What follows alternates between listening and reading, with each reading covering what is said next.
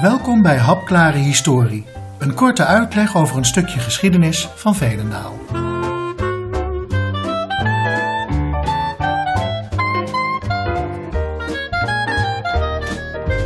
Deze podcast gaat over het ontstaan van Veenendaal in de 16e eeuw.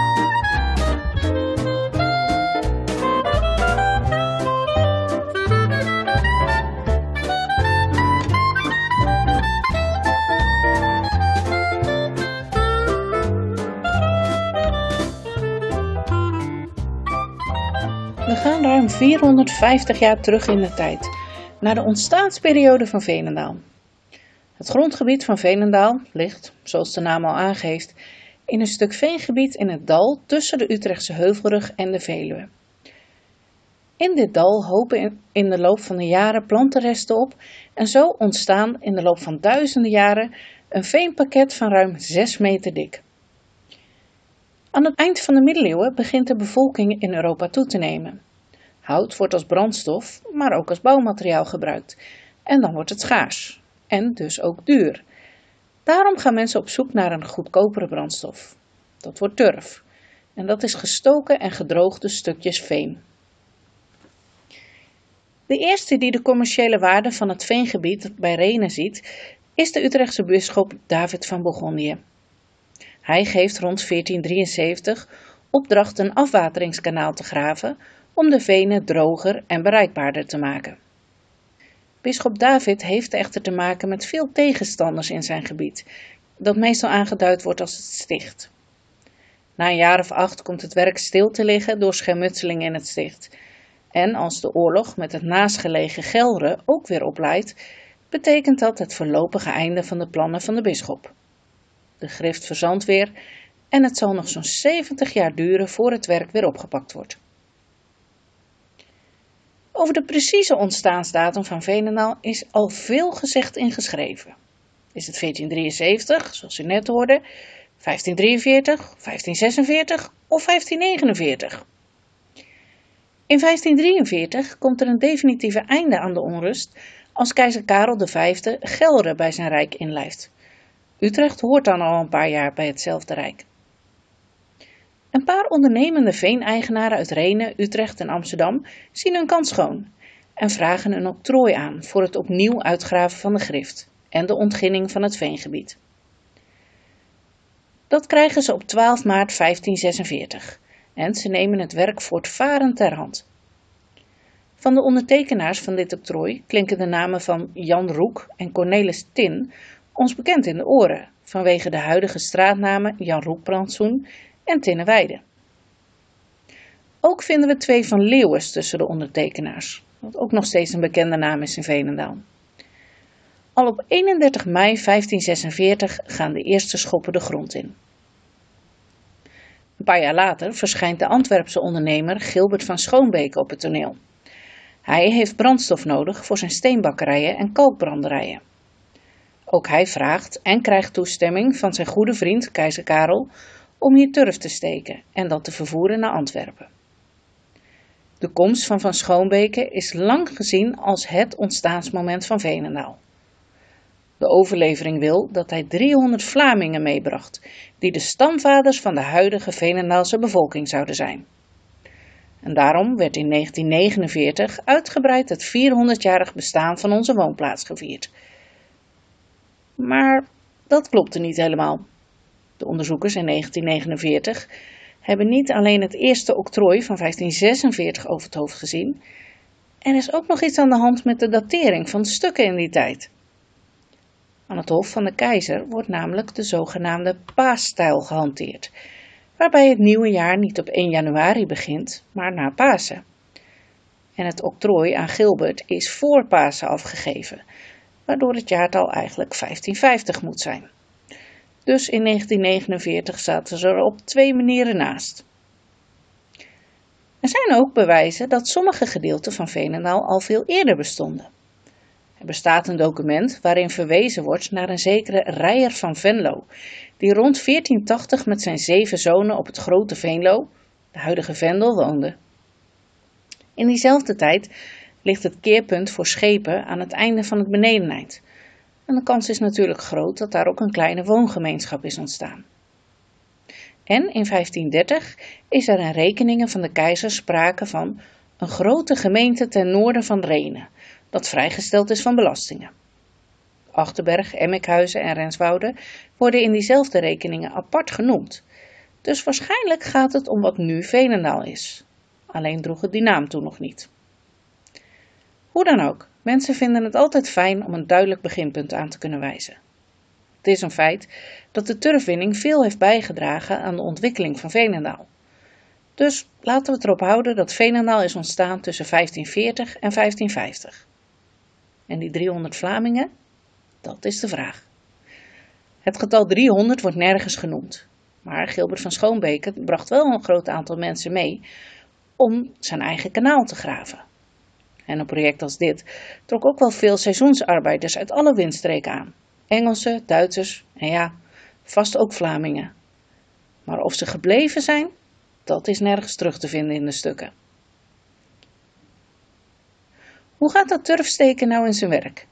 Behalve de grift worden er nog vele andere afwateringskanalen gegraven, waardoor steeds nieuwe stukken veen worden drooggelegd.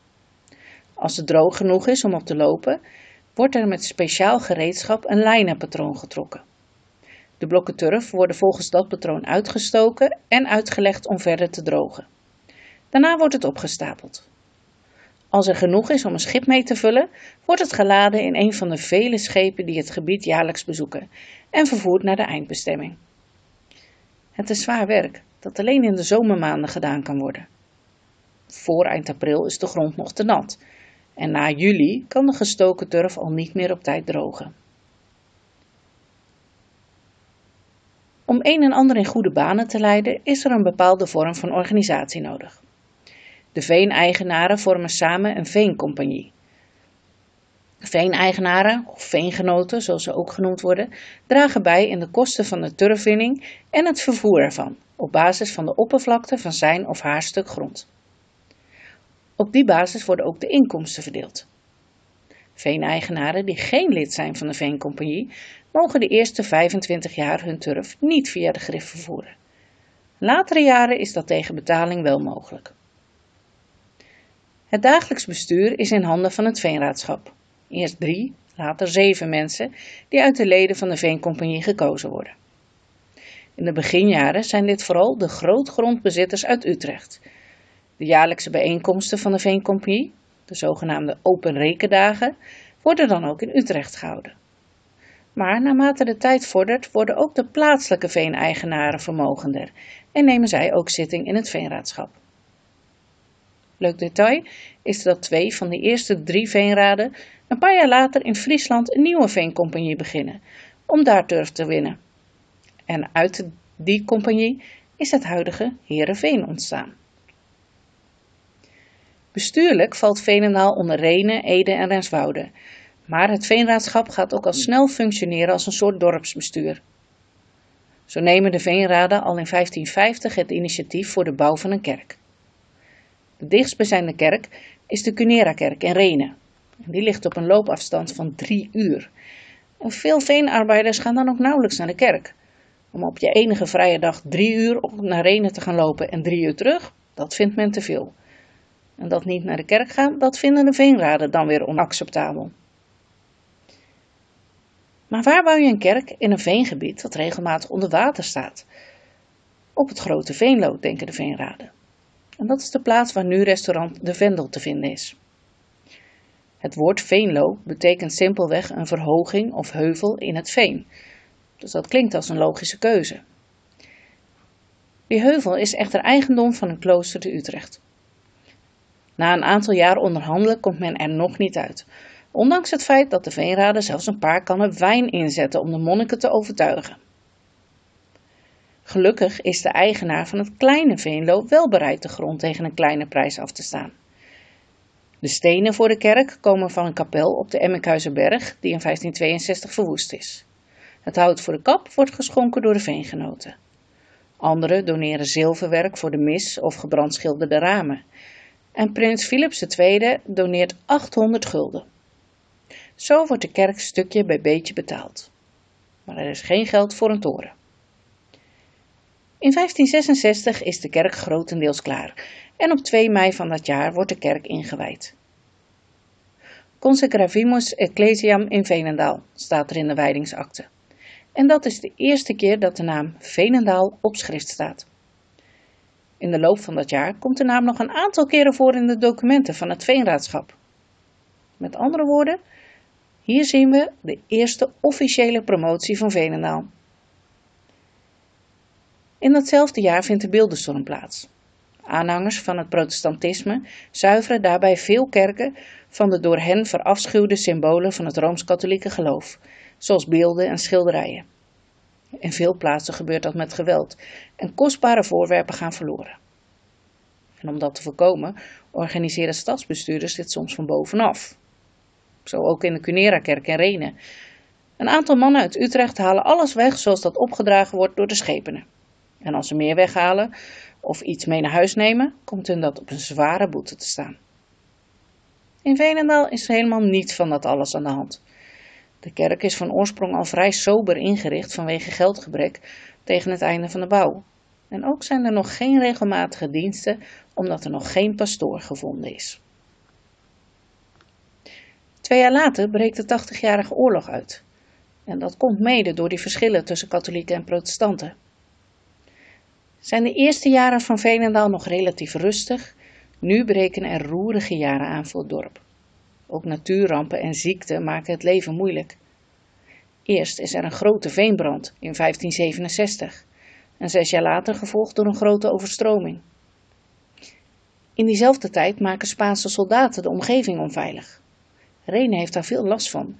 Met enige regelmaat moet men daar de soldaten afkopen om te voorkomen dat Renen platgebrand wordt. In Veenendaal merkt men de gevolgen van de oorlog in eerste instantie vooral aan de teruglopende handel in turf. Door de onveilige situatie durven steeds minder handelaren naar de venen te komen om turf te kopen. De veenraden, die dus ook het beheer hebben over de kerk, maken zich zorgen dat het kerkzilver plunderende soldaten zal aantrekken en besluiten het onder te brengen in Utrecht. Helaas wil niemand het risico nemen om dat naar Utrecht te brengen en ten einde raad besluit men alles dan maar te verkopen.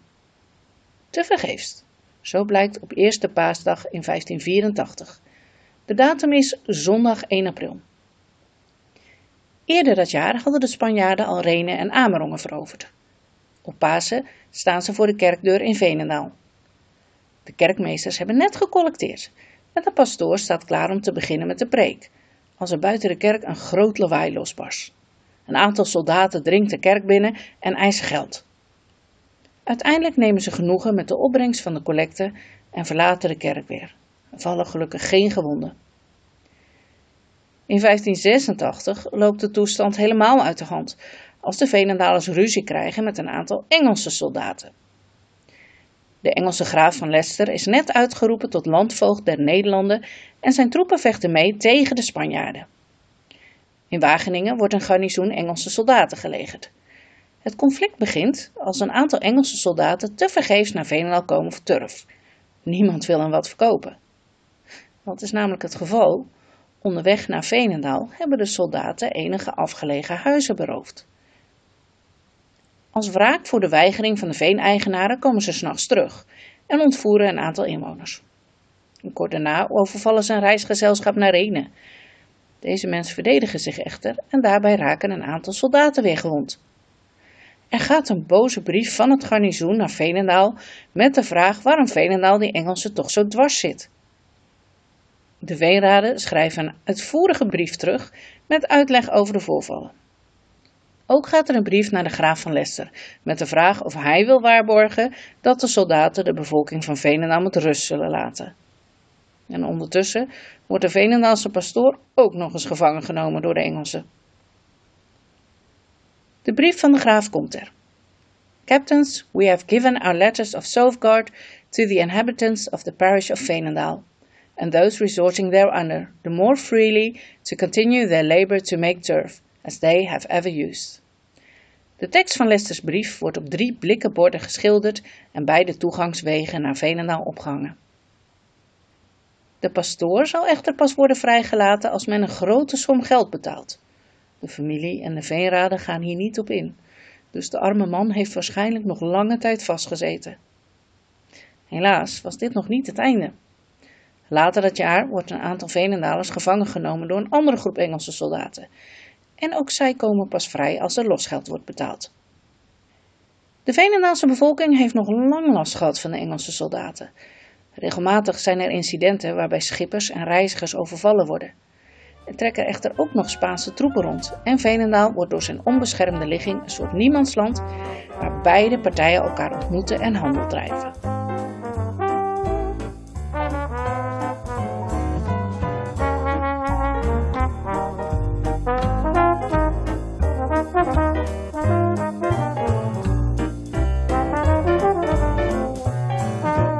Bedankt voor het luisteren.